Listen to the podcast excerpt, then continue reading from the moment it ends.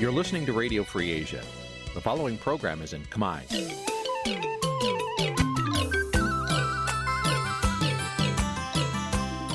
Nǐ chi càm bi tiệp xáy vệt chiu a zì sáy. នេះជាកម្មវិធីផ្សាយរបស់ Vithu Azisari ជាភាសាខ្មែរ វត្តឈូអាស៊ីសេរីសូមស្វាគមន៍លោកអ្នកនាងទាំងអស់ពីរដ្ឋធានី Washington នៃសហរដ្ឋអាមេរិក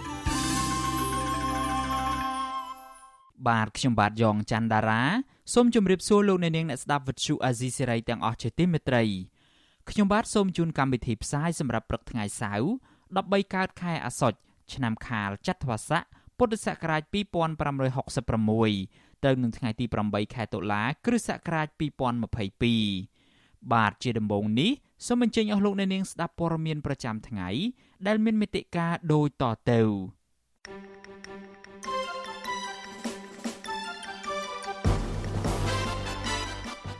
ពលរដ្ឋខេត្តសៀមរាបបន្តប្រឆាំងការបង្ខំឲ្យពួកគាត់រុះរើផ្ទះទៅតំបន់ផ្សេង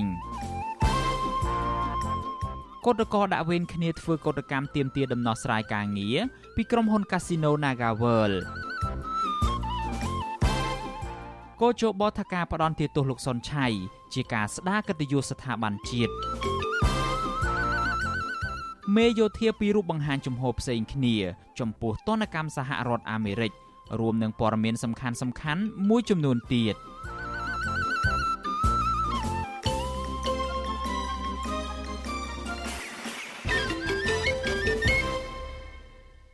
បាទជាបន្តទៅទៀតនេះខ្ញុំបាទយ៉ងច័ន្ទដារាសូមជូនព័ត៌មានទាំងនេះពិស្ដាប្រជាពលរដ្ឋជាង2000នាក់នាំគ្នាប្រមូលផ្ដុំតវ៉ានៅមុខសាលាសង្កាត់គោកចក និងសង្កាត់នគរធំក្រុងសៀមរាបប្រឆាំងទៅនឹងគម្រោងរបស់អាជ្ញាធរដែលបង្ខំឲ្យពួកគាត់រុះរើផ្ទះចាក់ចេញពីលំនៅឋានទៅរស់នៅទីតាំងថ្មីដែលឆ្ងាយពីទីក្រុងមន្ត្រីជាន់ខ្ពស់រដ្ឋាភិបាលអះអាងនៅមុខប្រជាពលរដ្ឋថាអាជ្ញាធរពុំមានគោលការណ៍បង្ខំឲ្យប្រជាពលរដ្ឋរុះរើផ្ទះសម្បែងចេញពីភូមិនោះទេក៏ប៉ុន្តែគឺឈលលើគោលការណ៍ស្ម័គ្រចិត្តមន្ត្រីសង្គមស៊ីវិលជំរុញឲ្យរដ្ឋាភិបាល យកចិត្តទុកដាក់ដោះស្រាយចំពោះសំណើរបស់ប្រជាពលរដ្ឋដោយសន្តិវិធី និងផ្អែកទៅលើគោលការណ៍ច្បាប់ បាទអ្នកស្រីម៉ៅសុធានីរាយការណ៍ព័ត៌មាននេះ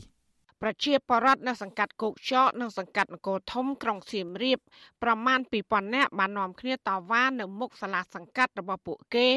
នៅព្រឹកថ្ងៃទី7ខែតុលានេះ ប្រឆាំងទៅនឹងការបណ្តេញចេញឲ្យពួកគាត់ទៅរស់នៅតំបន់ផ្សេងវិញ។ក្នុងការប្រមូលផ្ដុំនោះមានអ្នកខ្លះលើកបដានិងអ្នកខ្លះបញ្ចេញមតិយោបល់ដែលអាជ្ញាធរអប្សរា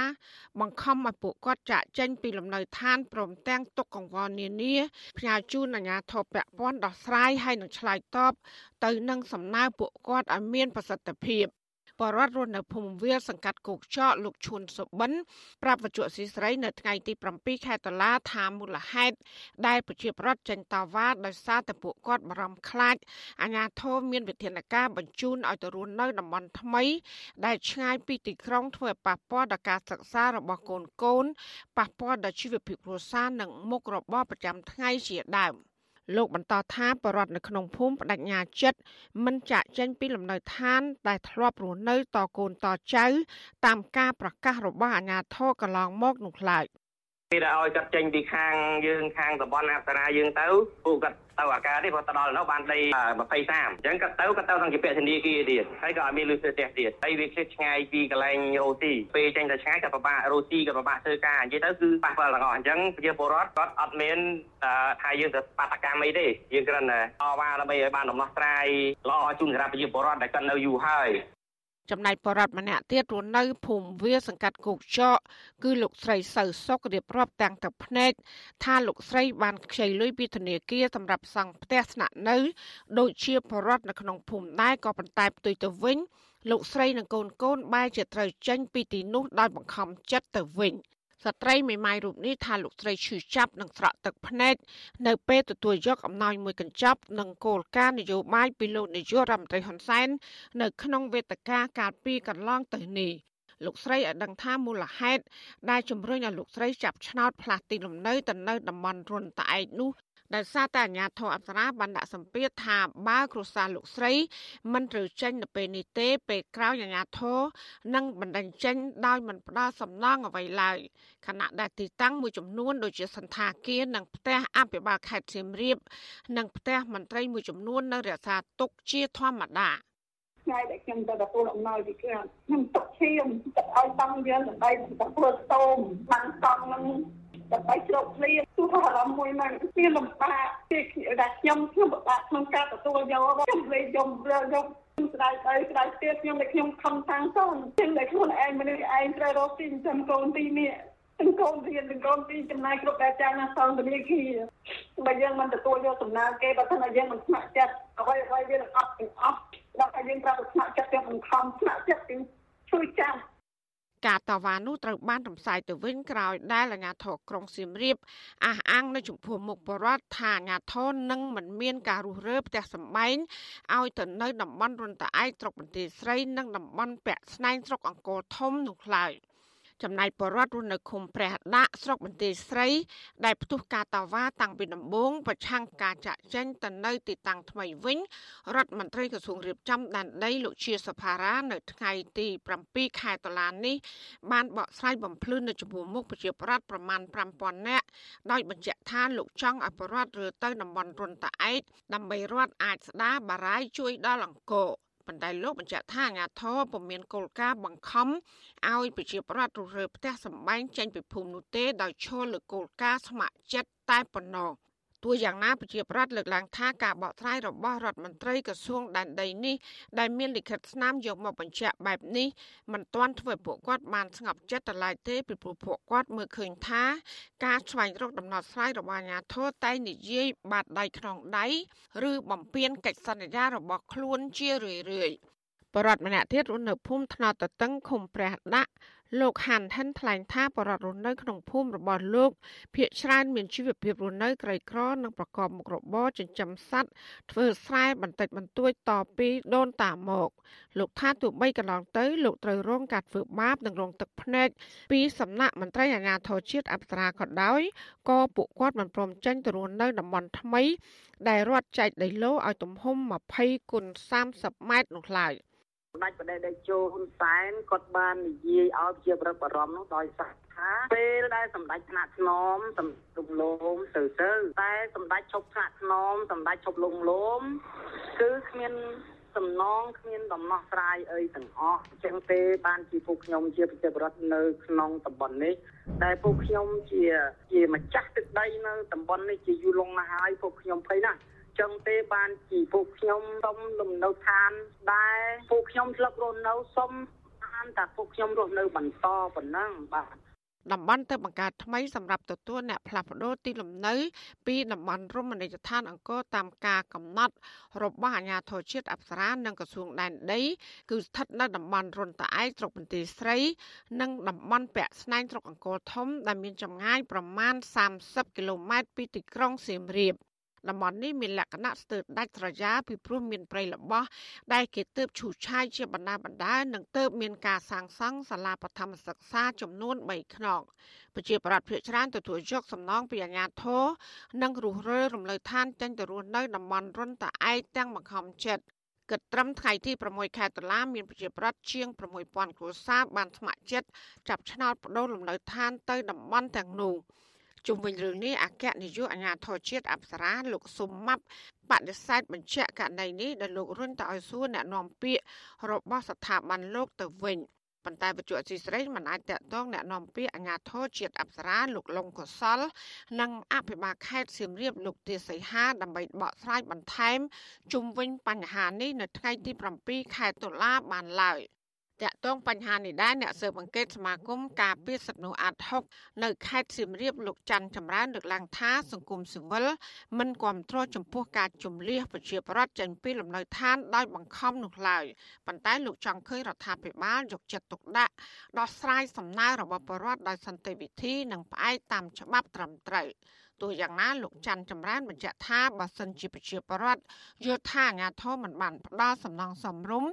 ឬក៏ដោះស្រាយមិនត្រឹមត្រូវនេះពួកគេមានសិទ្ធិទាមទារតវ៉ានិងប្តឹងទៅស្ថាប័នពាក់ព័ន្ធដើម្បីស្នើដោះស្រាយតាមនីតិវិធី។បើសិនជាប្រជាជាបរដ្ឋមានការតវ៉ាហើយអាជ្ញាធរក៏មានការសន្យាដូច្នេះខ្ញុំថាជំរឿនល្អគួរបង្កើតគណៈកម្មការពិសេសត្រួតពិនិត្យទស្សនវិជ្ជាជាក់ស្ដែងថាតើប្រជាពលរដ្ឋគាត់ ព្រមចាក់ចេញទេបើគាត់មិនព្រមចាក់ចេញថាយើងធ្វើយ៉ាងដូចម្ដេចតើយើងមានដំណោះស្រាយយ៉ាងម៉េចខ្ញុំថាបើសិនជាយើងពិនិត្យមើលឲ្យបានម៉ត់ចត់ទៅលើដំណោះស្រាយផ្សេងៗខ្ញុំជឿថាបញ្ហានឹងដោះស្រាយបានកាលពីថ្ងៃទី3ខែតុលាលោកនាយករដ្ឋមន្ត្រីហ៊ុនសែនបានដាក់អសន្និវត្តបង្ខំឲ្យបរដ្ឋណាដែលមិនព្រមទទួលយកសំណងដីឡូនៅតំបន់រនតឯកនឹងត្រូវបណ្ដឹងចេញដោយមិនទទួលបានសំណងណាមួយឡើយ លោកហ៊ុនសែនក៏បានបញ្ជាក់ថាការផ្ទេរលំនៅឋានរបស់ប្រជាពលរដ្ឋនៅតំបន់1និងតំបន់2ឲ្យទៅរស់នៅតំបន់រុនតឯកនេះគឺដើម្បីការពារថែរក្សានិងការគ្រប់គ្រងនៅតំបន់អង្គរនិងកុំឲ្យអង្គការ UNESCO ដកប្រាសាទអង្គរវត្តចេញពីបញ្ជីសម្បត្តិបេតិកភណ្ឌពិភពលោក។ នៅក្នុងសេចក្តីសម្រេចស្តីពីការកំណត់បទដ្ឋាន នៃការប្រើប្រាស់ដីធ្លីនៅតំបន់1និងតំបន់2ក្នុងតំបន់រមណីយដ្ឋានសៀមរាបអង្គរក្នុងប្រការ2បានចែងថាប្រជាពលរដ្ឋដែលមានលំនៅឋាននិងរស់នៅយូរលង់មកហើយនោះអាចបន្តរស់នៅតទៅទៀតបាន ដោយមិនមានការដេញឲ្យចាក់ចេញពីលំនៅឋាននោះឡើយចាននាងខ្ញុំម៉ៃសុធានីវិទ្យុអាស៊ីស្រីប្រធានាធិបតី Washington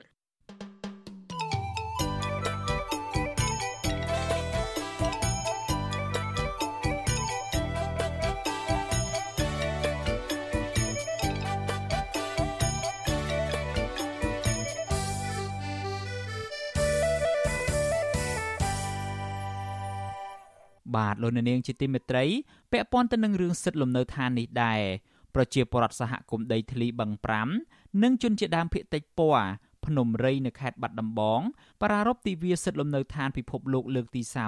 37និងស្នើឲ្យអាជ្ញាធរដោះស្រាយបញ្ហាដីធ្លីជូនពួកគាត់ពួកគាត់ព្រួយបារម្ភខ្លាចបាត់បង់ដីធ្លីមុខរបរវិលជុំនិងលំនៅឋានដោយសារតែមានក្រុមហ៊ុនមួយចំនួនបានកាប់ទន្ទ្រានដីព្រៃធ្វើជាកម្មសិទ្ធិឯកជន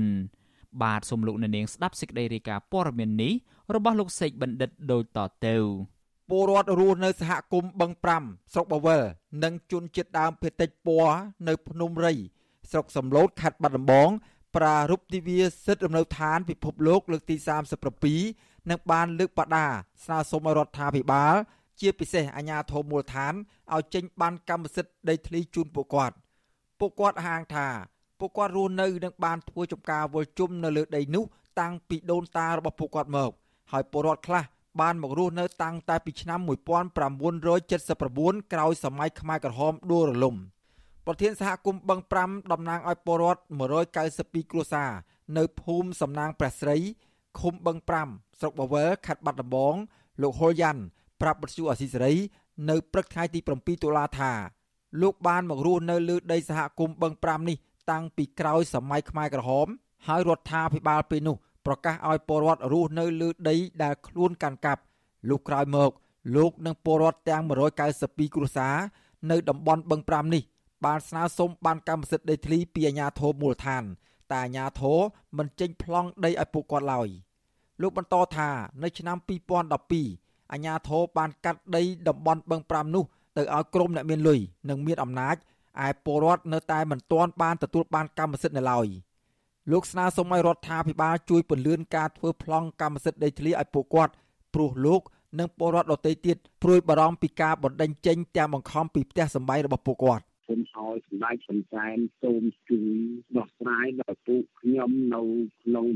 192ភាសានឹងសូមឲ្យថាជួយជំនួយពលឺនឹងការដោះស្រាយខ្ញុំជឿជាក់ថាសម្ដេចអ្នកដោះស្រាយប៉ុន្តែក្រែងតែរឿងទី1គឺបញ្ហារឿងល្អគឺលាកទៅតែរឿងអាក្រក់លាកទុករឿងល្អសហគមន៍បឹង5កាលពីថ្ងៃទី6តុលាបានប្រារព្ធទិវាសិទ្ធិលំនៅឋានពិភពលោកលើកទី37 ក្នុងបរិវេណសាលាបឋមសិក្សាបឹង5ស្រុកបវែលខេត្តបាត់ដំបងដោយមានមនុស្សចូលរួមប្រមាណជិត60នាក់ក្នុងឱកាសប្រារព្ធទិវានេះពលរដ្ឋស្នើសុំឲ្យអាជ្ញាធរខេត្តបាត់ដំបងជួយដោះស្រាយបញ្ហាចំនួនដីធ្លីជូនពួកគាត់ទាំង192គ្រួសារដែលមានផ្ទៃដីជាង1000ហិកតាហើយអាជ្ញាធរបានពន្យាពេលមិនដោះស្រាយជូនពួកគាត់ជាង10ឆ្នាំមកហើយពលរដ្ឋបានសួរដេញដោលគ្នាអំពីសិទ្ធិទទួលបានលំនៅឋាន ហើយនាំគ្នាដើរហាយក្បួនជុំវិញបរិវេណសាលា ក្រោយមកពួកគាត់ក៏បានហូបនំបញ្ចុកទុកជាការសាមគ្គីភាពរបស់អ្នកសហគមន៍ជាកិច្ចបញ្ចប់កម្មវិធីចំណែកសហគមន៍ជនជាតិដើមភាគតិចពណ៌នៅភ្នំរីឃុំតាតោកស្រុកសំឡូតនៅព្រឹកថ្ងៃទី7ខែតុលាក៏ប្រារព្ធទិវាសិទ្ធិលំនៅឋានពិភពលោកលើកទី37នេះដែរដោយពួកគាត់ចង់ឲ្យរដ្ឋាភិបាលថែរក្សាដីសហគមន៍របស់ពួកគាត់ឲ្យបានគង់វង្ស ដីសហគមន៍ជនជាតិដើមភាគតិចពណ៌នៅតំបន់ភ្នំរីមាន5ប្រភេទទី1ដីសម្រាប់កប់សពទី2ដីព្រៃអភិរក្សទី3ដីលំនៅឋាន ទី4ដីចំការវល់ជុំនិងទី5ដីបំរុងទុកសម្រាប់ឲ្យកូនចៅរបស់ពួកគាត់ចំនួនក្រោយប្រធានសហគមន៍ជនជាតិដើមភាគតិចពណ៌ភ្នំរី នៅស្រុកសំឡូតខេត្តបាត់ដំបងលោកឈើឈូនឲ្យដឹងថា ការប្រារព្ធទិវាសិទ្ធិលំនៅឋានពេលនេះ មានមនុស្សជាង100នាក់បានចូលរួមក្នុងគោលបំណងចង់ឲ្យរដ្ឋាភិបាលជួយថែរក្សាដីសមរភាព និងប្រពៃណីទំនៀមទម្លាប់របស់ជនជាតិដើមភាគតិចពណ៌លោកបន្តថាទិវានេះ ជាសារមួយប្រាប់ទៅអាជ្ញាធរមូលដ្ឋានឲ្យគោរពសិទ្ធិក្នុងការទទួលបានលំនៅឋានរបស់ពួកគាត់និងសូមកុំឲ្យមានការកាប់ឆ្ការដីព្រៃសហគមន៍របស់ពួកគាត់ទៅធ្វើជាកម្មសិទ្ធិឯកជនរបស់អ្នកមានលុយមានអំណាច។ ខ្ញុំសនំពរទៅរដ្ឋាភិបាលហ្នឹងគឺយ៉ាងណាក្រសួងស្ថាប័នពាក់ព័ន្ធដែរជាមួយជនជាតិដើមប្រទេសហ្នឹងសម្រួលនៃការពង្លឿននៃការចោះវាស់វែងឲ្យចេញបានកម្មសិទ្ធិសមូហភាពជូនសហគមន៍ជនជាតិដើមប្រទេសបាទហើយជួយគេហៅថាការពារសិទ្ធិរបស់ជនជាតិដើមប្រទេសផងហើយរដ្ឋាភិបាលបាត់ជួយអន្តរាគមន៍រលមានបញ្ហាដូចជាចង្ការវិលជុំអីអីចឹងណាបាទហើយនឹងតំបន់គោរពបូជាហ្នឹងហើយឲ្យមានការទប់កាត់ចេញច្បាប់ការពារឲ្យណាឆ្លើយតបនឹងរឿងនេះអភិបាលខេត្តបាត់ដំបង លោកសុកលូប្រាប់បទសុអាស៊ីសេរីថាលោកគាំទ្រដល់ការប្រារព្ធទិវាសិទ្ធិលំនៅឋាន របស់បងប្អូនជនជាតិដើមភាគតិចពណ៌ហើយលោកក៏លើកទឹកចិត្តពួកគាត់ឲ្យខិតខំថែរក្សាប្រពៃណីទំនៀមទម្លាប់ជនជាតិដើមភាគតិចលោកបន្ថែមថាករណីដែលជនជាតិភាគតិចនិងពលរដ្ឋនៅតំបន់បឹង5ស្នើសុំបានកម្មសិទ្ធិដីធ្លីលោកនៅមិនទាន់ទទួលបានពាក្យស្នើសុំនោះនៅឡើយទេ ធម្មតាជារួមបញ្ហាបច្ចុប្បន្នគឺរដ្ឋាភិបាលកំពុងខិតខំជំរុញការធ្វើប្លង់កម្មសិទ្ធិជូនបងប្អូនអញ្ចឹងណាហើយតែគាត់មួយចំនួនមិនទាន់មានហ្នឹងមិនដឹងគាត់មានដីកន្លែងណាវាមិនដឹងនិយាយទៅអត់ដឹងនឹងដីកន្លែងណាអត់ទៅមានប្លង់កម្មសិទ្ធិជួការដីអភិរក្សការពារយើងអត់ចេញកម្មសិទ្ធិនៃកើតហ្នឹងយើងនិយាយចឹងណាយើងយើងខែតែអភិរក្សហើយចង់ចេញកម្មសិទ្ធិកដាច់ដីការពារយើងចេញនៃកើតជុំវិញរឿងនេះដែរអ្នកសម្របសម្រួលផ្នែកឃ្លាំមើលការរំលោភសិទ្ធិមនុស្សនៃអង្គការលីកាដូនៅខេត្តបាត់ដំបងលោកអិនគង់ចិត្តលើកឡើងថា ពលរដ្ឋនៅតំបន់បឹង5និងជនជាតិដើមភាគតិចពណ៌ខ្លាចបាត់បង់ដីគេដូនតាទើបពួកគាត់ស្នើសុំឲ្យរដ្ឋាភិបាលចេញប្លង់កម្មសិទ្ធិដីធ្លីឲ្យបានឆាប់លោកយល់ថាពលរដ្ឋគួរតែទទួលបានសិទ្ធិលំនៅឋានឲ្យបានសមរម្យនិងមិនគួរមានការបណ្តេញចេញដោយបង្ខំដើម្បីឲ្យស្របទៅនឹងការប្រារព្ធទិវាសិទ្ធិលំនៅឋានពិភពលោកលើកទី37ដែលពួកគាត់ធ្វើឡើងអស់រយៈពេល2ថ្ងៃមកនេះ។ ចង់ឲ្យខាងក្រសួងអភិជនបទហើយនិងខាងក្រសួងបរិស្ថាននិងអាជ្ញាធរខេត្តពន្លឿនការចុះបញ្ជីដីធ្លីសមូហភាពរបស់គាត់ឲ្យបានឲ្យបានឆាប់ឆាប់ព្រោះអីគាត់គាត់ធ្វើត្បិតតែទិវាសិទ្ធិលំនៅឋានមែនប៉ុន្តែសិទ្ធិលំនៅឋានរបស់ពួកគាត់ទៅនឹងការបាត់បង់វិញដោយសារគាត់យល់ថាសិទ្ធិលំនៅឋានវាភ្ជាប់ជាមួយនឹងសិទ្ធិដីធ្លីអញ្ចឹងកាលណាពេលដែលគាត់មានដីកម្មសិទ្ធិស្របច្បាប់គឺសិទ្ធិលំនៅឋានគាត់នឹងត្រូវបានគោរព ការប្រារព្ធទិវាសិទ្ធិលំនៅឋានពិភពលោកលើកទី37ទាំងពីរថ្ងៃនោះមានការចូលរួមពីពលរដ្ឋនៅស្រុកសំឡូតនិងស្រុកបវលខេត្តបាត់ដំបងប្រមាណ200នាក់ដើម្បីស្នើសុំរដ្ឋាភិបាលចេញបានកម្មសិទ្ធិដីធ្លីដល់សហគមន៍របស់ពួកគាត់ឲ្យមានសិទ្ធិរស់នៅលើដីនោះដោយពលរដ្ឋដទៃទៀតដែរខ្ញុំបាទសេកបណ្ឌិតវុទ្ធុអាស៊ីសេរីពីរដ្ឋធានីវ៉ាស៊ីនតោន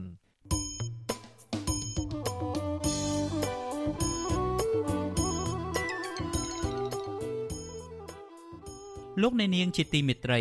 ដំណើរគ្នានឹងស្ដាប់ការផ្សាយវិទ្យុអាស៊ីសេរីតាមបណ្ដាញសង្គម Facebook និង YouTube លោកអ្នកនាងក៏អាចស្ដាប់កម្មវិធីផ្សាយរបស់វិទ្យុអាស៊ីសេរីតាមរលកធាតុអាកាសខ្លីឬ Shortwave តាមកម្រិតនិងកម្ពស់ដូចតទៅនេះពេលព្រឹកចាប់ពីម៉ោង5កន្លះដល់ម៉ោង6កន្លះតាមរយៈរលកធាតុអាកាសខ្លី12140 kHz ស្មើនឹងកម្ពស់ 25m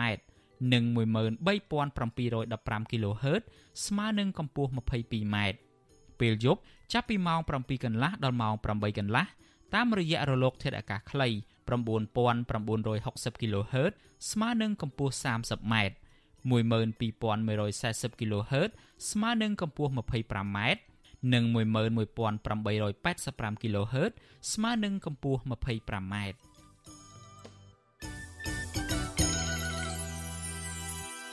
បាទលោកនាងជាទីមេត្រីតកតងទៅនឹងរឿងវិវាទការងារនៅឯក្រុមហ៊ុន Casino Naga World ឯណោះវិញ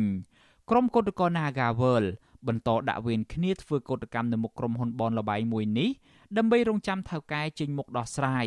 ក្រោយពីក្រសួងការងារនៅតែមិនទាន់រកដំណោះស្រាយបញ្ចប់វិវាទការងារនេះបាននៅឡើយសហជីពស្នើឲ្យក្រសួងការងារពង្រឹងការដោះស្រាយវិវាទការងារតាមផ្លូវច្បាប់ប្រកបដោយតម្លាភាពដែលអាចឲ្យភាគីទាំងពីរទទួលយកបាន បាទលោកទីនសាការីយ៉ារាយការណ៍ព័ត៌មាននេះក្រុមកោតក្រ Nagavel នៅថ្ងៃទី7ដុល្លារនៅតែបន្តធ្វើកោតកម្មដើម្បីទាមទារដំណោះស្រាយពីថកែក្រុមកោតក្របានបែងចែកគ្នាជាពីរក្រុមឆ្លាស់វេនគ្នាដើម្បីសម្រួលពេលវេលាឲ្យកោតក្រមានពេលសម្រាកហើយបន្តធ្វើកោតកម្មកោតក្រ Nagawal ម្នាក់គឺកញ្ញាគឹមសុខាប្រាប់វិទ្យុអាស៊ីសេរីកាលពីថ្ងៃទី7ដុល្លារថាក្រុមកោតក្រជាង100នាក់ដោយចែកចេញជាពីរក្រុម គឺមួយក្រុមធ្វើកោតកម្មនៅពេលព្រឹក មានកោតក្រចូលរួមជាង50នាក់និងមួយក្រុមទៀតតវ៉ានៅពេលថ្ងៃមានអ្នកចូលរួមប្រមាណជាង100នាក់កញ្ញាបន្តថាការធ្វើបែបនេះគឺដើម្បីរក្សាធ្វើកោតកម្មឲ្យមានភាពសកម្មដើម្បីជំរុញឲ្យតកែក្រុមហ៊ុនបនលបែងមួយនេះចេញមុខមកដោះស្រាយបញ្ចប់វិវាទការងាររ៉ាំរ៉ៃមួយនេះជាមួយពួកគេកញ្ញាបន្ថែមថាការធ្វើកោតកម្មអាញាធននៅតែតាមក្លំមើលដដែល ឲ្យដឹងថាយើងមកធ្វើកតកម្មនៅមុខក្រុមហ៊ុនកុំឲ្យតកែធ្វើកធ្វើថ្លង់ធ្វើមិនដឹងធ្វើមិនលើពួកខ្ញុំធ្វើកតកម្មនេះ9ខែហើយកាលពីថ្ងៃទី6ដុល្លារក្រសួងការងារបានបើកអង្គប្រជុំរដ្ឋដំណោះស្រាយរវាងនយោជកនិងនយោជិតដើម្បីបញ្ចប់វិវាទការងារនៅក្រុមហ៊ុន Nagavel ប៉ុន្តែមិនបានជោគជ័យឡើយព្រោះភាគីខាងតំណាងកម្មករនយោជិតនៅតែបន្តទាមទារឲ្យខាងក្រុមហ៊ុនទទួលយកពួកគេឲ្យចូលធ្វើការវិញរីឯខាងថកែ Nagavel នៅតែប្រកាន់គោលចំហ មិនទទួលបុគ្គលិក Naga ដែលនៅសេសសល់ជាង100នាក់ឲ្យចូលធ្វើការវិញឡើយហើយភាគីទាំងពីរបានឯកភាពគ្នាកំណត់កាលបរិច្ឆេទប្រជុំបន្ទាប់នៅថ្ងៃទី27ដុល្លារខាងមុខក្រុមកោតក្រសម្រេចចិត្តបន្តធ្វើកោតកម្មដោយសាររយៈពេលជាង9ខែមកនេះថាការក្រុមហ៊ុន Nagavel នៅតែមិនទាន់ចេញមកដោះស្រាយឲ្យបានសមរម្យជូនពួកគេនៅឡើយគណៈក្រសួងការងារនៅតែបន្តមិនអាចដោះស្រាយបញ្ហានេះជូនតាមផ្លូវច្បាប់នៅឡើយ ជុំវិញនឹងរឿងនេះវិទ្យុអសិរ័យពុំអាចតាក់ទងអ្នកនាំពាក្យក្រសួងការងារលោហិញសួរដើម្បីសំសួរអំពីបញ្ហានេះបន្ថែមបានទេកាលពីថ្ងៃទី7ដុល្លារតាក់ទងនឹងរឿងនេះប្រធានសហព័ន្ធសហជីពកម្ពុជាអ្នកស្រីយ៉ាងសុភ័ណ្ឌលើកឡើងថាវិវាទការងាររវាងបុគ្គលិកនិងភាគីក្រុមហ៊ុន នៅតែអស់បន្លាយជាប់គាំងដោយសារតែក្រសួងការងារដែលជាអាជ្ញាកណ្ដាលលំអៀងទៅខាងក្រុមហ៊ុន អ្នកស្រីបន្តថាស្ថាប័នរដ្ឋមួយនេះមិនអាចយកបញ្ហាពិតប្រាកដ យកមកដាក់លើតុដើម្បីដោះស្រាយនិងមិនអនុវត្តតាមច្បាប់ដោយតម្លាភាពនោះឡើយអ្នកស្រីស្នើឲ្យក្រសួងការងារពង្រឹងការដោះស្រាយវិវាទទៅតាមផ្លូវច្បាប់និងជៀសវាងការអនុវត្តច្បាប់មានស្តង់ដារ2ដែលធ្វើឲ្យការដោះស្រាយវិវាទមួយនេះនៅតែជាប់គាំង។ ហើយដើម្បីឲ្យវិវាទនេះត្រូវបានចប់សពគ្រប់វិវាទនេះត្រូវបានមិនអស់បន្លាយពេលទៅមុខទៀតខ្ញុំគិតថាតតអាញាធររដ្ឋអង្គដើរតួនាទីអ្នកសម្របសម្រួលគឺនៅកណ្ដាលហើយធ្វើការសម្របសម្រួលដោយមានភាពឯករាជ្យមិនឈរទៅលើភាគីណាមួយអញ្ចឹងណាគិតមកទល់ពេលនេះភាគីបុគ្គលិកនិងក្រុមហ៊ុនបានជួបប្រជុំនៅក្រសួងការងារដើម្បីស្វែងរកដំណោះស្រាយអស់ចំនួន19លើករួចមកហើយប៉ុន្តែការពិភាក្សារកដំណោះស្រាយ នៅតែគ្មានលទ្ធផលសមស្របណាមួយ ដែលអាចឲ្យខាងបុគ្គលិកទទួលយកបានឡើយដោយភាគីក្រុមហ៊ុន នៅតែបន្តបដិសេធនៅតែបន្តបដិសេធមិនព្រមទទួលយកពួកគេទាំង129នាក់ឲ្យចូលធ្វើការវិញដដែលខ្ញុំទីនសាការីយ៉ាអសិរ័យប្រធានីវ៉ាស៊ីនតោនលោកអ្នកនាងជាទីមេត្រីវិទ្យុអាស៊ីសេរីសូមជូនដំណឹងថា យើងគ្មានអ្នកយកព័ត៌មានប្រចាំនៅប្រទេសកម្ពុជាទេប្រសិនបើមានជនណាម្នាក់អះអាងថាជាអ្នកយកព័ត៌មានឲ្យវិទ្យុអាស៊ីសេរីនៅកម្ពុជានោះគឺជាការក្លែងបន្លំយកឈ្មោះអាស៊ីសេរីទៅប្រើនៅក្នុងគោលបំណងទុច្ចរិតណាមួយរបស់បុគ្គលនោះតែប៉ុណ្ណោះបាទសូមអរគុណ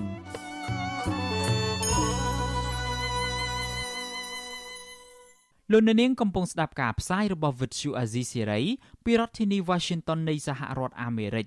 តកតងទៅនឹងរឿងនយោបាយឯណោះវិញតុលាការរាជធានីភ្នំពេញសម្រេចឲ្យអនុប្រធានគណៈបកភ្លើងទៀនលោកសុនឆៃ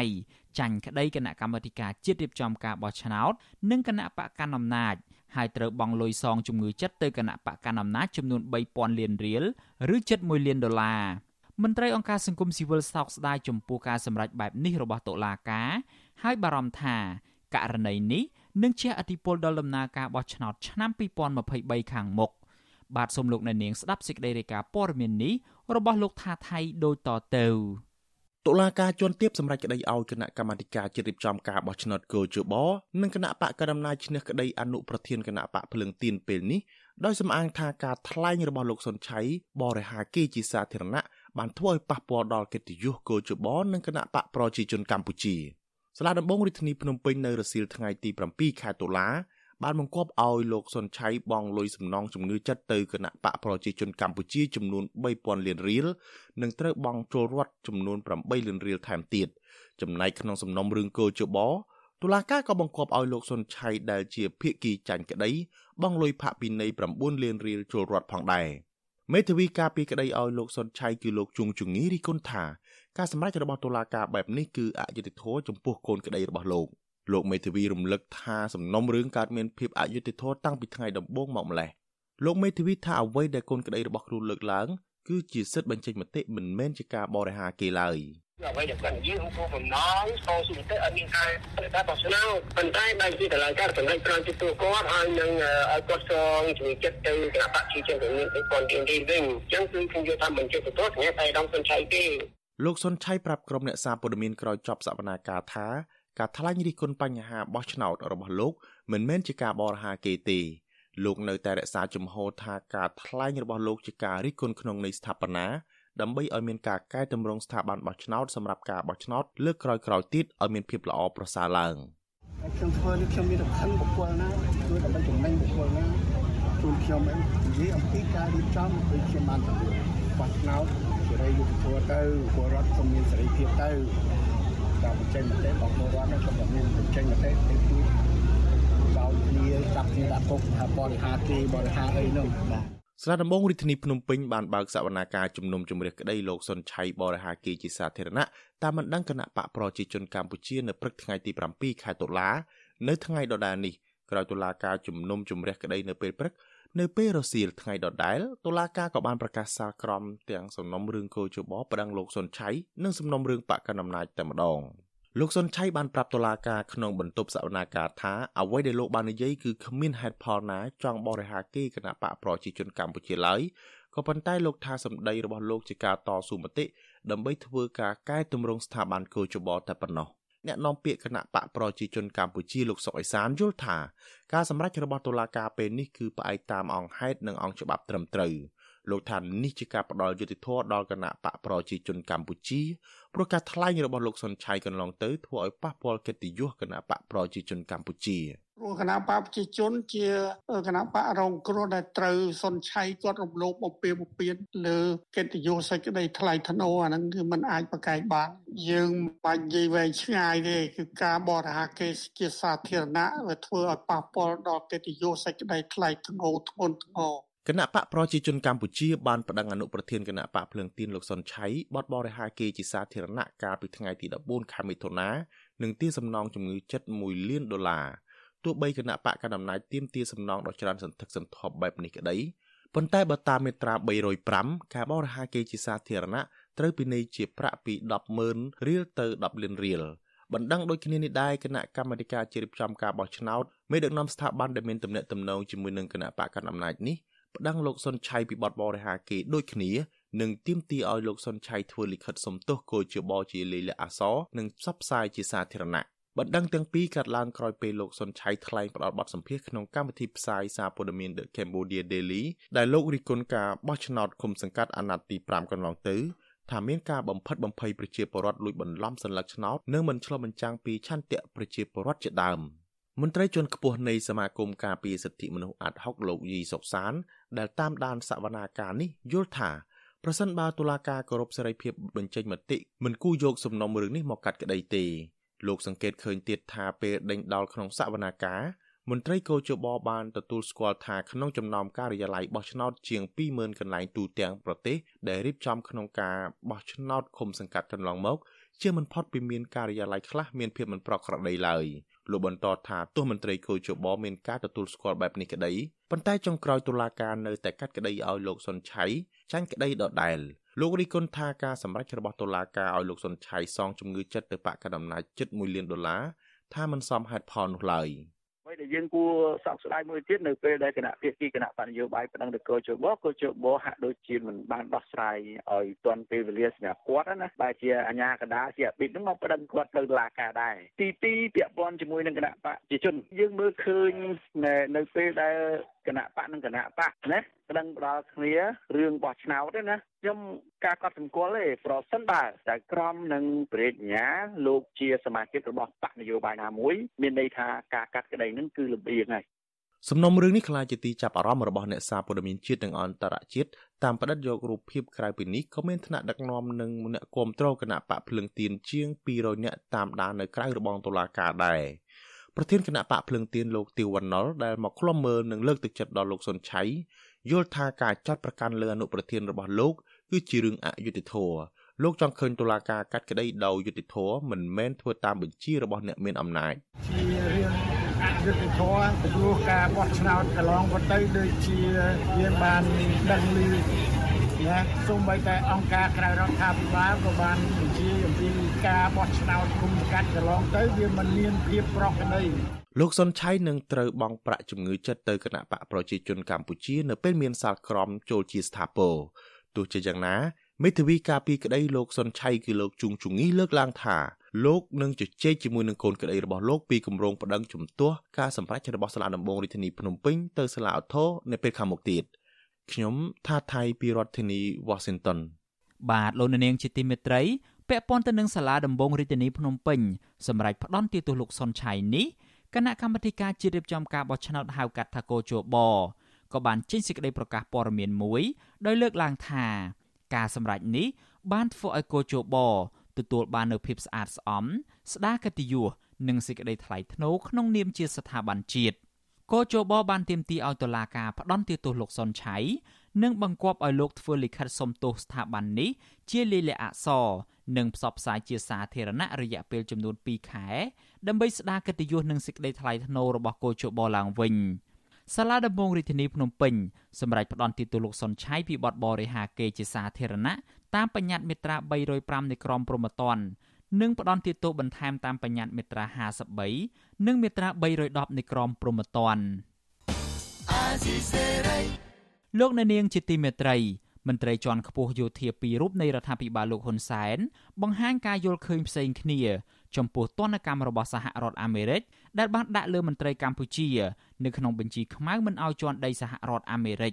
ចំពោះអ្នកដែលបានជាប់ឈ្មោះនៅក្នុងបញ្ជីខ្មៅរួចហើយត្អូញត្អែថាវិធានការរបស់ប្រទេសមហាអំណាចមួយនេះមានភាពអយុត្តិធម៌ណាស់ចំពោះខ្លួនក៏ប៉ុន្តែមេយោធាដែលមិនទាន់ជាប់ឈ្មោះនៅក្នុងបញ្ជីខ្មៅនេះវិញ បាននិយាយផ្កើនទៅសហរដ្ឋអាមេរិកឲ្យដាក់ទណ្ឌកម្មលើខ្លួនកាន់តែលឿនកាន់តែល្អបាទលោកអ្នកនាងនឹងបានស្ដាប់សេចក្តីរាយការណ៍នេះពឺស្ដានៅក្នុងការផ្សាយរបស់យើងនាពេលបន្តិចទៀតនេះ។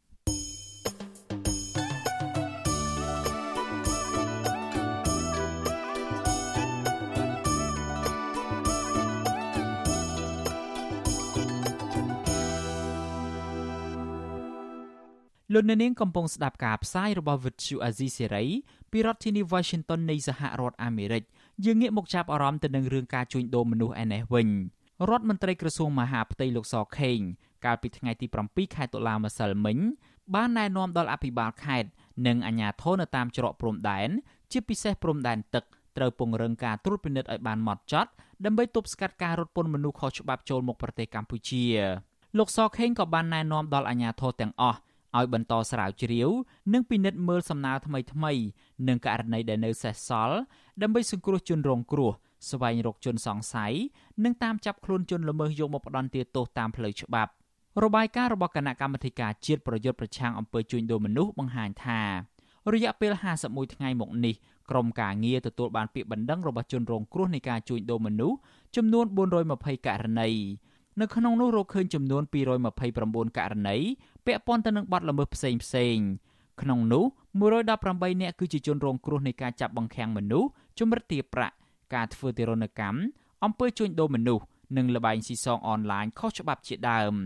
លោកសខេងបន្តថានៅក្នុងប្រតិបត្តិការទាំងនោះអញ្ញាធរចាប់ខ្លួនជនល្មើសទាំងខ្មែរនិងជនបរទេសចំនួន67នាក់ពាក់ព័ន្ធទៅនឹងជនរងគ្រោះជនជាតិម៉ាឡេស៊ីវិញសមត្ថកិច្ចកម្ពុជាបានបញ្ជូនពួកគេចំនួន21នាក់ត្រឡប់ទៅប្រទេសម៉ាឡេស៊ីវិញហើយ កាលពីថ្ងៃទី6តុលាបន្ទាប់ពីពួកគេបានចាញ់បោកក្រុមជនល្មើសកុហកថាផ្ដល់ការងារធ្វើល្អនិងទទួលបានប្រាក់កម្រៃខ្ពស់នៅប្រទេសកម្ពុជានិងឡាវរដ្ឋមន្ត្រីក្រសួងការបរទេសម៉ាឡេស៊ីលោកសៃហ្វូឌីនអាប់ឌុលឡាតាមរយៈស្ថានទូតម៉ាឡេស៊ីប្រចាំកម្ពុជា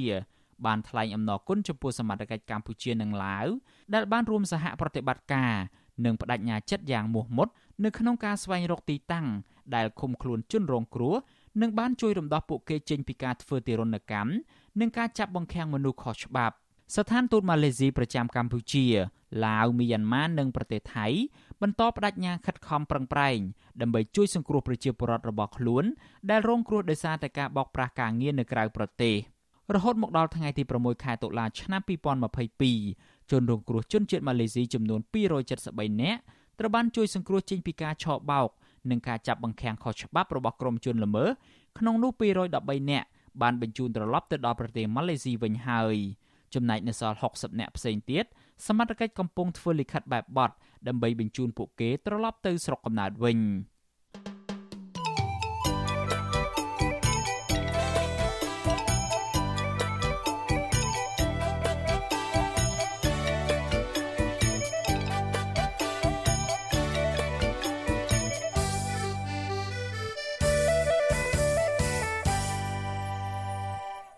បាទលោកនាងជាទីមេត្រីយើងងាកមកបញ្ហាអប់រំឯនេះវិញ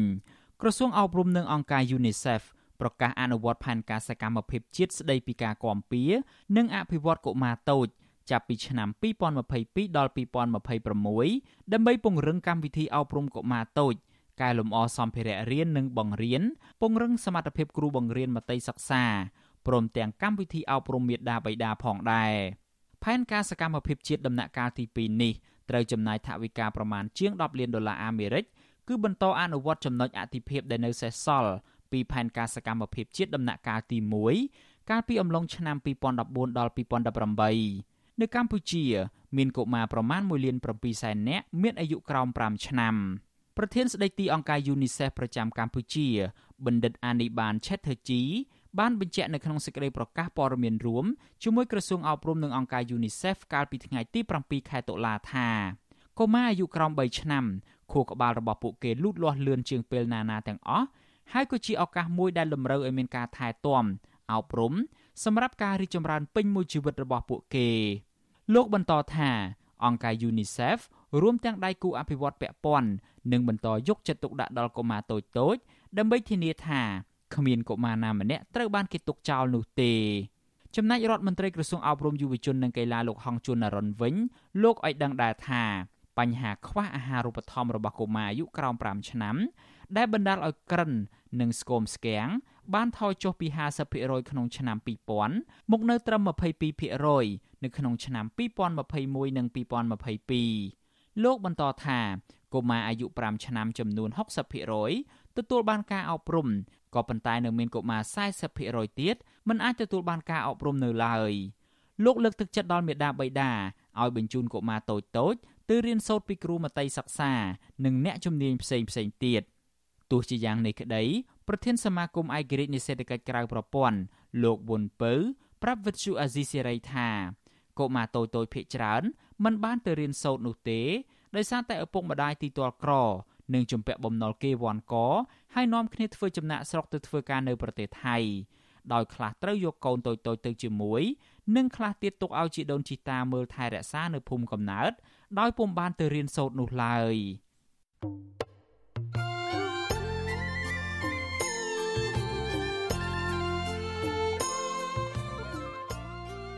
លោកអ្នកនាងជាទីមេត្រី នៅក្នុងឱកាសនេះដែរ ខ្ញុំបាទសូមថ្លែងអំណរគុណដល់លោកអ្នកនាងកញ្ញាទាំងអស់ដែលតែងតែមានភក្ដីភាពចំពោះការផ្សាយរបស់យើងហើយចាត់ទុកការស្ដាប់វិទ្យុអាស៊ីសេរីជាផ្នែកមួយនៃសកម្មភាពប្រចាំថ្ងៃរបស់លោកអ្នកនាងគឺការគ្រប់គ្រងរបស់លោកអ្នកនាងនេះហើយដែលធ្វើឲ្យយើងខ្ញុំមានទឹកចិត្តកាន់តែខ្លាំងថែមទៀតនៅក្នុងការស្វែងរកនិងផ្តល់ព័ត៌មានជូនលោកអ្នកនាង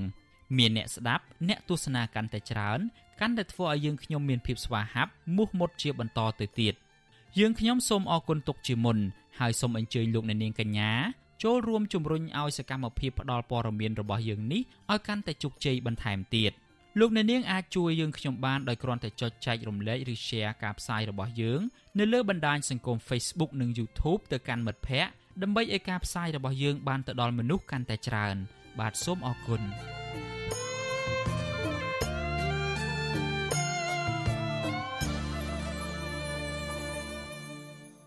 លោកអ្នកនាងជាទីមេត្រីមន្ត្រីជាន់ខ្ពស់យោធាពីររូបនៃរដ្ឋាភិបាលលោកហ៊ុនសែនបង្ហាញការយល់ឃើញផ្សេងគ្នា ចំពោះទណ្ឌកម្មរបស់សហរដ្ឋអាមេរិកដែលបានដាក់លើមន្ត្រីកម្ពុជានៅក្នុងបញ្ជីខ្មៅមិនឲ្យជន់ដីសហរដ្ឋអាមេរិកចំពោះអ្នកដែលបានជាប់ឈ្មោះនៅក្នុងបញ្ជីខ្មៅរួចហើយត្អូញត្អែថាវិធានការរបស់ប្រទេសមហាអំណាចមួយនេះមានភាពអយុត្តិធម៌ណាស់ចំពោះខ្លួន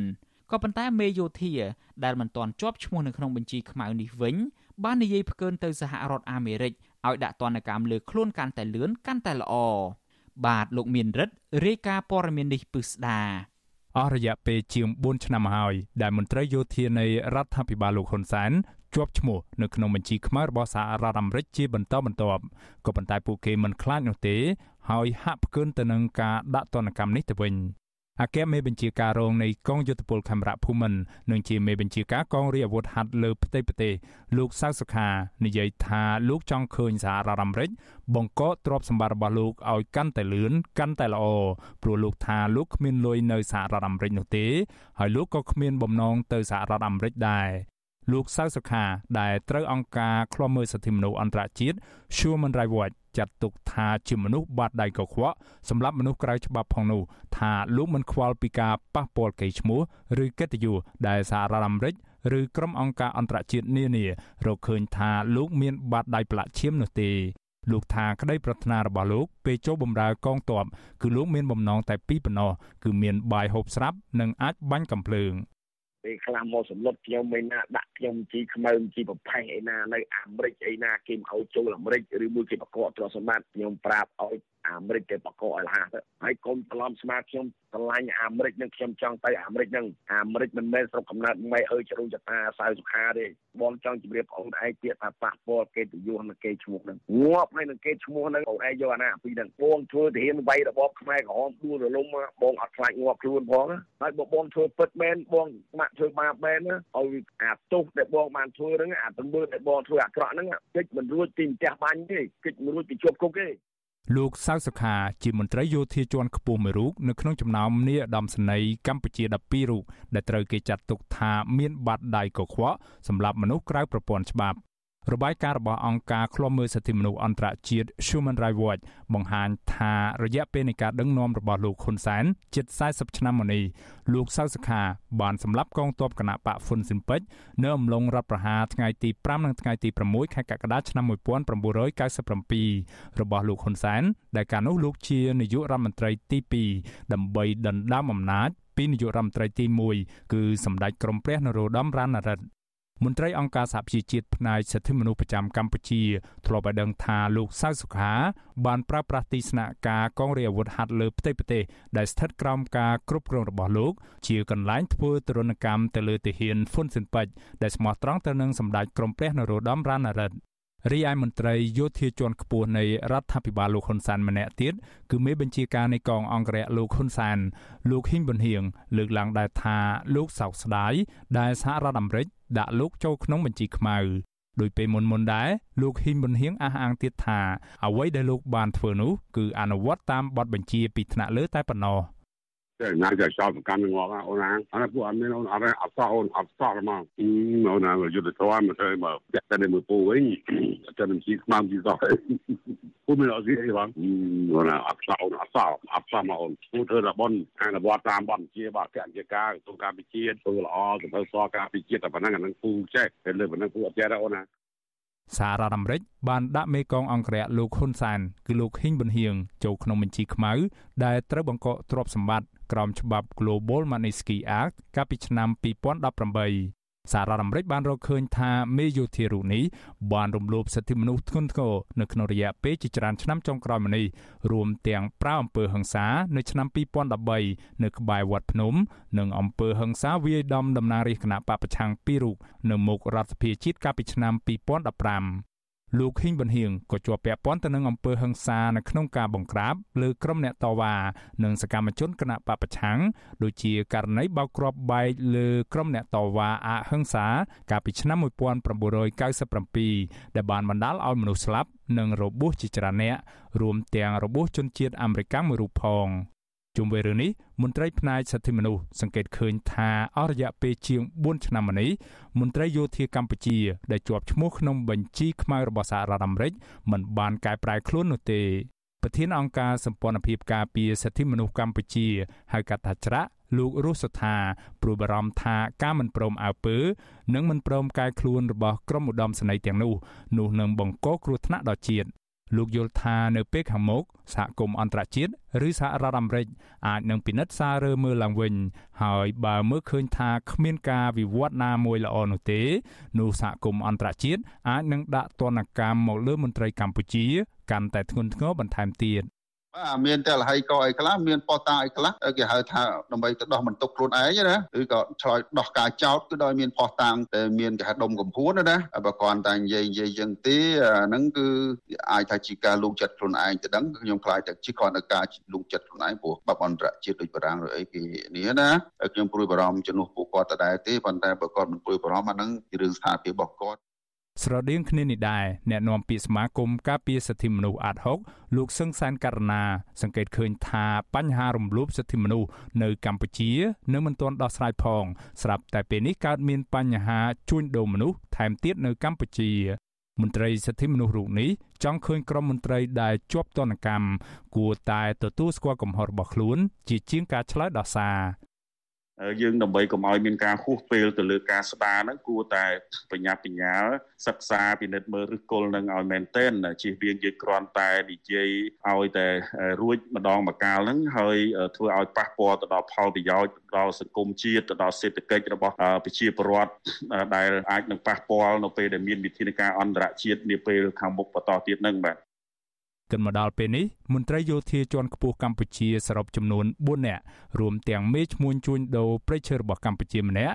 បានជាប់ឈ្មោះនៅក្នុងបញ្ជីខ្មៅរបស់សហរដ្ឋអាមេរិកអ្នកទាំងនោះរួមមានមេកងអង្គរៈលោកហ៊ុនសែនគឺលោកហ៊ីងប៊ុនហៀង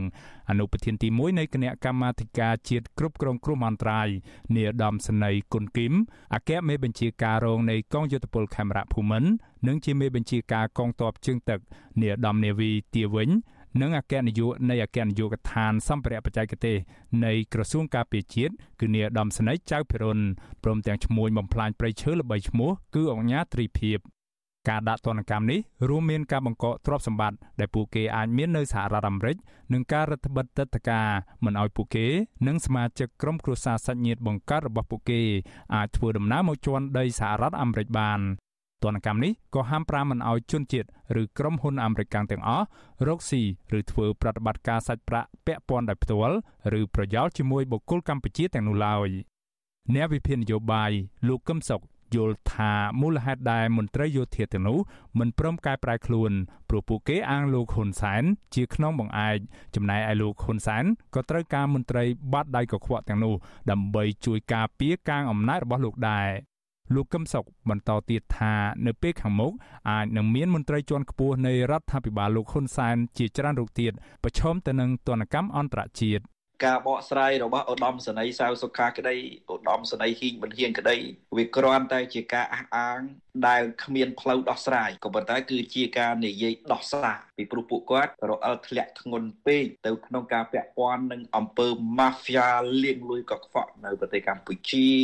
ការរំលោភរដ្ឋធម្មនុញ្ញរំលោភអំណាចហើយនឹងការខុបខិតជាមួយនឹងកងទ័ពបរទេសជាពិសេសចិនដែលមានការសង្ស័យនៅកងទ័ពជើងទឹកសមុទ្ររៀម ចាប់តាំងពីរដ្ឋាភិបាលលោកហ៊ុនសែនរំលោភសិទ្ធិមនុស្សនិងដើរខុសគន្លងប្រជាធិបតេយ្យក្រោយការរំលាយគណៈបកសង្គ្រោះជាតិលុបបំបាត់សារព័ត៌មានឯករាជ្យនិងធ្វើទុកបុកម្នេញទៅលើសកម្មជនសិទ្ធិមនុស្សសកម្មជននយោបាយសហភាពអឺរ៉ុបបានកាត់ផ្តាច់ប្រព័ន្ធអនុគ្រោះពន្ធ EBA ចំនួន20%ពីកម្ពុជា ចំណែកសហរដ្ឋអាមេរិកឯណោះវិញក៏នៅមិនទាន់បន្តផ្ដល់ការអនុគ្រោះពន្ធ GSP ឲ្យកម្ពុជានៅឡើយដែរ មន្ត្រីសង្គមស៊ីវិលបារម្ភថាការមិនភ្ញាក់រលឹករបស់មន្ត្រីយោធាកម្ពុជានៅពេលនេះអាចនឹងបណ្ដាលឲ្យមន្ត្រីដែលរងទណ្ឌកម្មនោះប្រឈមនៅទណ្ឌកម្មកាន់តែខ្លាំងថែមទៀតហើយនឹងធ្វើឲ្យកម្ពុជាខូចប្រយោជន៍កាន់តែច្រើនថែមទៀតខ្ញុំបានមេរិត Visual C ស្រីរាយការណ៍ពីរដ្ឋធានី Washington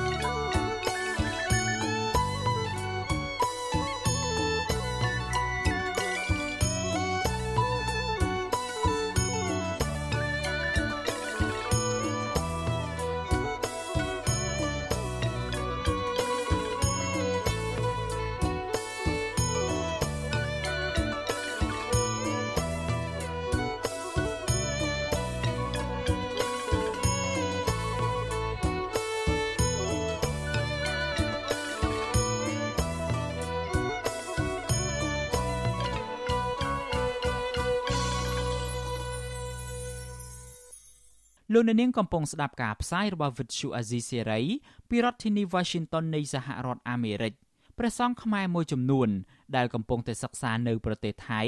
បានខិតខំរៀនសូត្រដើម្បីយកចំណេះវិជ្ជាត្រឡប់ទៅអភិវឌ្ឍកសាងវត្តអារាមឲ្យព្រមពុទ្ធបរិស័ទឲ្យប្រព្រឹត្តល្អតាមលំអានរបស់ព្រះពុទ្ធសាសនានៅកម្ពុជាព្រះសង្ឃមានថេរដីកាថា ការសិក្សានៅប្រទេសថៃ មានការលំបាកជាច្រើន ជាពិសេសផ្នែកភាសាថៃ សម្រាប់និយាយប្រស្រ័យតាក់ទងគ្នារាល់ថ្ងៃជាមួយមិត្តរួមថ្នាក់និងគ្រូបង្រៀនតែព្រះអង្គបានពុះពៀរៀនបន្ថែមដោយខ្លួនឯងរហូតអាចសិក្សាជាមួយព្រះសង្ឃថៃបាន បាទសំលោកអ្នកនាងស្ដាប់សេចក្តីរាយការណ៍មួយទៀតរបស់លោកទីនសាការីយ៉ាអំពីរឿងនេះដូចតទៅ ប្រសង់ខ្មែរមួយចំនួនតស៊ូជំនះការលំបាកគ្រប់បែបយ៉ាងសិក្សានៅតាមសាកលវិទ្យាល័យផ្នែកព្រះពុទ្ធសាសនានានានៅប្រទេសថៃដើម្បីយកចំណេះវិជ្ជាទៅសាបព្រោះដល់កូនខ្មែរឲ្យបានយល់ដឹងបន្ថែមទៀតទាក់ទងនឹងវិស័យសាសនា ជាពិសេសពាក្យទូរមានរបស់ព្រះពុទ្ធការសិក្សារបស់ព្រះសង្ឃនៅទីនេះគឺមានព្រះសង្ឃដែលជាសិស្សច្បងបានណែនាំព្រះសង្ឃដែលទើបតែមករៀនថ្មីថ្មងឲ្យចេះសម្របខ្លួនតាមរបៀបរបបព្រះសង្ឃថៃដើម្បីងាយស្រួលក្នុងការរស់នៅនិងរៀនសូត្រ ព្រះសង្ឃកំពុងសិក្សាឆ្នាំទី3ផ្នែកសង្គមវិទ្យានៅសាកលវិទ្យាល័យមហាកតរាជវិទ្យាល័យមានស្រុកកំណើតនៅខេត្តកំពង់ចាមព្រះភិក្ខុត្រីអក្សរាមានត្រាដីកាថាព្រះអង្គមកសិក្សានៅប្រទេសថៃក៏ចង់ស្គាល់វប្បធម៌និងអរិយធម៌ផ្នែកព្រះពុទ្ធសាសនានិងបានឆ្វេងយល់បន្ថែមទៀតពីការគោរពប្រតិបត្តិសាសនារបស់ពលរដ្ឋថៃព្រះភិក្ខុរូបនេះមានត្រាដីកាបន្តថាការសិក្សាអប់រំរបស់ព្រះសង្ឃនៅក្នុងប្រទេសថៃ មានបែបបទទំនើបជាងព្រះសង្ឃនៅកម្ពុជា ហើយព្រះអង្គបដិញ្ញាខិតខំរៀនសូត្រយកចំណេះដឹងថ្មីថ្មីដើម្បីយកទៅបណ្ដោះបណ្ដាលដល់ប្រជាពលរដ្ឋខ្មែរ។ ចឹងទៅធ្វើវាមានខុសប្លែកដោយសារនេះគេមានរៀនអភិធម្មរៀនទាំងបាលីរៀនទាំងសំស្ក្រឹតអញ្ចឹងទៅវាលាយចូលគ្នាព្រោះផ្នែកអាត្មារៀនវាពុទ្ធសាសនាសង្គមអញ្ចឹងទៅវាតកតជាមួយនឹងពុទ្ធសាសនាផងការរស់នៅក្នុងសង្គមផងទៅវាលាយឡំគ្នាតែបើនៅខ្មែរយើងបើសិនជារៀននៅសាលាក្រៅគឺមានតែជំនាញអញ្ចឹងទៅបើសិនជារៀននៅសាលាលោកពុទ្ធកៈអញ្ចឹងទៅយើងមានតែតកតជាមួយនឹងបាលីតកតមួយពុទ្ធសាសនាដូចគ្នាក៏ប៉ុន្តែវាអត់សូវលេខថាបោះក្បាយទៅអានេះតាមបន្សល់មកស្លាប់ចូលមកអញ្ចឹងស្រដៀងគ្នាដែរព្រះសង្ឃមួយអង្គទៀតដល់សិក្សានៅសាកលវិទ្យាល័យមហាកតរាជវិទ្យាល័យសិក្សាឆ្នាំទី1ផ្នែកវិទ្យាសាស្ត្រនយោបាយមានស្រុកកំណើតនៅភ្នំពេញ មានត្រាដីកាថាការដែលព្រះអង្គបានទៅរៀននៅប្រទេសថៃគឺជាភពសំណាងរបស់ព្រះអង្គក៏ប៉ុន្តែមានការលំបាកខ្លះដែរជាពិសេសផ្នែកភាសាថៃដោយសារតែព្រះអង្គស្ដាប់គ្រូពន្យល់មិនបាន តែក្រោយមកព្រះអង្គខិតខំរៀនសូត្រភាសាថៃដោយខ្លួនឯង ទើបស្ដាប់យល់វិញព្រះអង្គមានត្រាធិការថាព្រះអង្គនឹងតាំងចិត្តក្រេបយកចំណេះដឹងល្អល្អយកទៅបង្រៀនកូនខ្មែរនៅអាស្រុកកំណើតរបស់ព្រះអង្គព្រះអង្គលើកឡើងថាសង្គមមួយដែលល្អផូរផង់ទៅបានលុះត្រាតែមានអ្នកចេះដឹងច្រើនព្រោះអ្នកចេះដឹងគឺជាគ្រឹះសម្រាប់កសាងសង្គមឲ្យរុងរឿង មានការងារមួយអាចជួយសង្គមដែលបើអាត្មាបានអាត្មានឹងអាចទៅបកទៅជួយនឹងសង្គមដែលអាត្មាបានរៀនពីនេះយកពីចំណេះដឹងនៅទីនេះនឹងការស្វែងយល់ក្រេបបញ្ជក់ពីនេះទៅដើម្បីអនុវត្តនៅស្រុកយើងវិញនឹងចែករំលែកដល់ចែករំលែកបទពិសោធន៍ដល់យុវជនឬក៏បងប្អូនឬក៏ប្រសង់ជាបងប្អូនអីចឹងអាចចែករំលែកបានគឺចែករំលែកឲ្យមានការថារៀនយ៉ាងម៉េចធ្វើយ៉ាងម៉េចដើម្បីមានបទចំណេះដឹងមានផ្លូវទៅមុខដើម្បីធ្វើឲ្យធ្វើជាអ្នកអត្រង់ក្នុងពុទ្ធសាសនាល្អអីចឹងញោម ព្រះសង្ឃខ្មែរដែលមកសិក្សានៅប្រទេសថៃភាគច្រើនមកតាមសមាគមព្រះសង្ឃខ្មែរនានានៅតាមសាកលវិទ្យាល័យខាងព្រះពុទ្ធសាសនាការរស់នៅរបស់ព្រះសង្ឃខ្មែរនៅប្រទេសថៃគឺអាស្រ័យលើការនិមន្តបិណ្ឌបាតតាមផ្ទះអ្នកស្រុកថៃដើម្បីបានចង្ហាន់ឆាន់និងបច្ច័យសម្រាប់បង់ថ្លៃសាលាព្រះសង្ឃខ្មែរដែលសិក្សានៅប្រទេសថៃភាគច្រើនសិក្សាដោយបង់ប្រាក់ដោយខ្លួនឯងតកតងនឹងបញ្ហានេះវិទ្យុអាស៊ីសេរីមិនអាចតតងមន្ត្រីស្ថានទូតខ្មែរប្រចាំនៅទីក្រុងបាងកក និងអ្នកនាំពាក្យក្រសួងធម្មការនិងសាសនាលោកសេងសូមនីដើម្បីសំសួរអំពីបញ្ហានេះបានទេនៅថ្ងៃទី4ដុល្លាររីឯជំនួយការផ្ទាល់របស់រដ្ឋមន្ត្រីក្រសួងធម្មការនិងសាសនាលោកហុងវ៉ាន់ដេតប្រាប់វិទ្យុអាស៊ីសេរីថាប្រសង់ដែលបានទៅសិក្សានៅក្រៅប្រទេសជាធនធានមនុស្សរបស់កម្ពុជាមួយប្រសើរដោយសារតែប្រសង់អាចជួយក្នុងការបណ្ដោះបណ្ដាលយុវជនយុវតីឲ្យក្លាយជាមនុស្សល្អនៅក្នុងសង្គមបានលោកបន្ថែមថាប្រសង់ខ្លះ មានសមត្ថភាពអាចបម្រើការងារតាមក្រសួងស្ថាប័នរដ្ឋនានាបានទៅតាមចំណេះជំនាញដែលព្រះអង្គបានសិក្សានៅក្រៅប្រទេស។ ប្រសង់ដែលទៅរៀននៅទុនធានទាំងអស់ហ្នឹងមកវិញគឺគាត់បានជួយការងារពុទ្ធសាសនានិងការងារគុំបានច្រើនអ្នកខ្លះមកវិញក៏គាត់ដឹកនាំក្រុមហ៊ុនអ្នកខ្លះមកវិញក៏គាត់ដឹកនាំអង្គការអញ្ចឹងណាហើយខ្លះក៏បានដឹកនាំនៅក្នុងស្ថាប័នរដ្ឋនឹងដែរអញ្ចឹងអ្នកមានរហូតដល់អ្នកខ្លះអនុរដ្ឋលេខាធិការរដ្ឋលេខាធិការដែរជុំវិញនឹងរឿងនេះដែរព្រះប្រធានមូលនិធិព្រះពុទ្ធសាសនាដើម្បីការអប់រំនៃកម្ពុជា ព្រះភិក្ខុហាក់សៀងហៃមានត្រាត់ឯកាថាប្រសង់ខ្មែរដែលសិក្សានៅក្រៅប្រទេសជាកម្លាំងស្នូលមួយសម្រាប់ញ៉ាំងឲ្យព្រះពុទ្ធសាសនាឲ្យរីកចម្រើនបានច្រើននិងជាធនធានមនុស្សដ៏ល្អសម្រាប់សង្គមព្រោះពេលដែលប្រសង់បានចេះដឹងហើយប្រសង់តែងតែយកចំណេះដឹងនោះមកអប់រំបរិវត្តតាមភូមិស្រុកឲ្យคล้ายជាបរិវត្តល្អព្រះភិក្ខុហាក់សៀងហៃមានត្រាត់ឯកាបន្តថាបច្ចុប្បន្នប្រសង់ក៏ជាធនធានមនុស្សមួយសម្រាប់ការអភិវឌ្ឍសង្គមដែរ ហើយក៏ជាផ្នែកមួយជួយទ្រទ្រង់ព្រះពុទ្ធសាសនាឲ្យគង់វង្សព្រោះព្រះពុទ្ធសាសនាជាសាសនារបស់រដ្ឋស្របតាមរដ្ឋធម្មនុញ្ញ។ ក៏ថាដោយសារវិស័យសាសនាត្រឡប់មកវិញក៏លោកជួយជាពង្រឹងការអប់រំការបណ្ដុះបណ្ដាលអីច្រើនចឹងដែរឧទាហរណ៍ប្រសង់យើងរៀនចប់ពីថៃប្រហែលពីយកប្រហែលពីយកអញ្ចឹងមកវិញលោកជួយហាត់រៀនឲ្យភាសាបាលីហើយខាងរៀនចប់បញ្ញាបត្រឬចប់មិនអីយ៉ាងណាក៏អាចជាសាស្ត្រាចារ្យនៅតាមសាកលវិទ្យាល័យពុទ្ធសាសនាយើងរបាយការណ៍របស់សមាគមប្រសង់ខេមរៈសង្ឃហធរប្រចាំប្រទេសថៃ ឲ្យដឹងថាបច្ចុប្បន្នមានប្រសង់ខ្មែរជាង200អង្គកំពុងសិក្សាតាមសាកលវិទ្យាល័យនានានៅប្រទេសថៃហើយប្រសង់ទាំងនោះតែងតែជួយយកអាសាគ្នាណែនាំគ្នាឲ្យរៀនសូត្រនិងប្រតិបត្តិល្អតាមគន្លងព្រះពុទ្ធសាសនាខ្ញុំទីនសាការីយ៉ាអសិរ័យប្រធានីវ៉ាស៊ីនតោន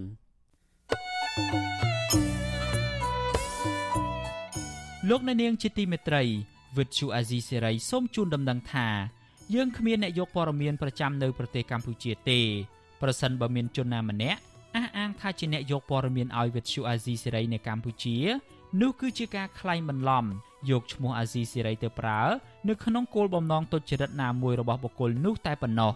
បាទសូមអរគុណ thank you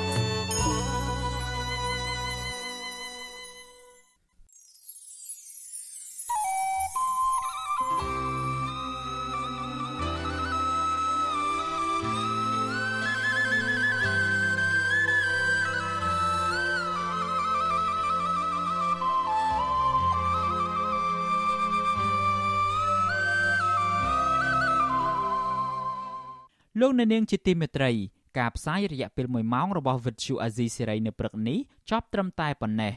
យើងខ្ញុំសូមជូនពរដល់លោកអ្នកនាងព្រមទាំងក្រុមគ្រួសារទាំងអស់ឲ្យជួបប្រកបតែនឹងសេចក្តីសុខចម្រើនរុងរឿងកុំបីឃ្លៀងឃ្លាតឡើយបាទខ្ញុំបាទយ៉ងច័ន្ទដារាព្រមទាំងក្រុមការងារទាំងអស់នៃ Vuthu Azizi Serai សូមអរគុណនិងសូមជម្រាបលា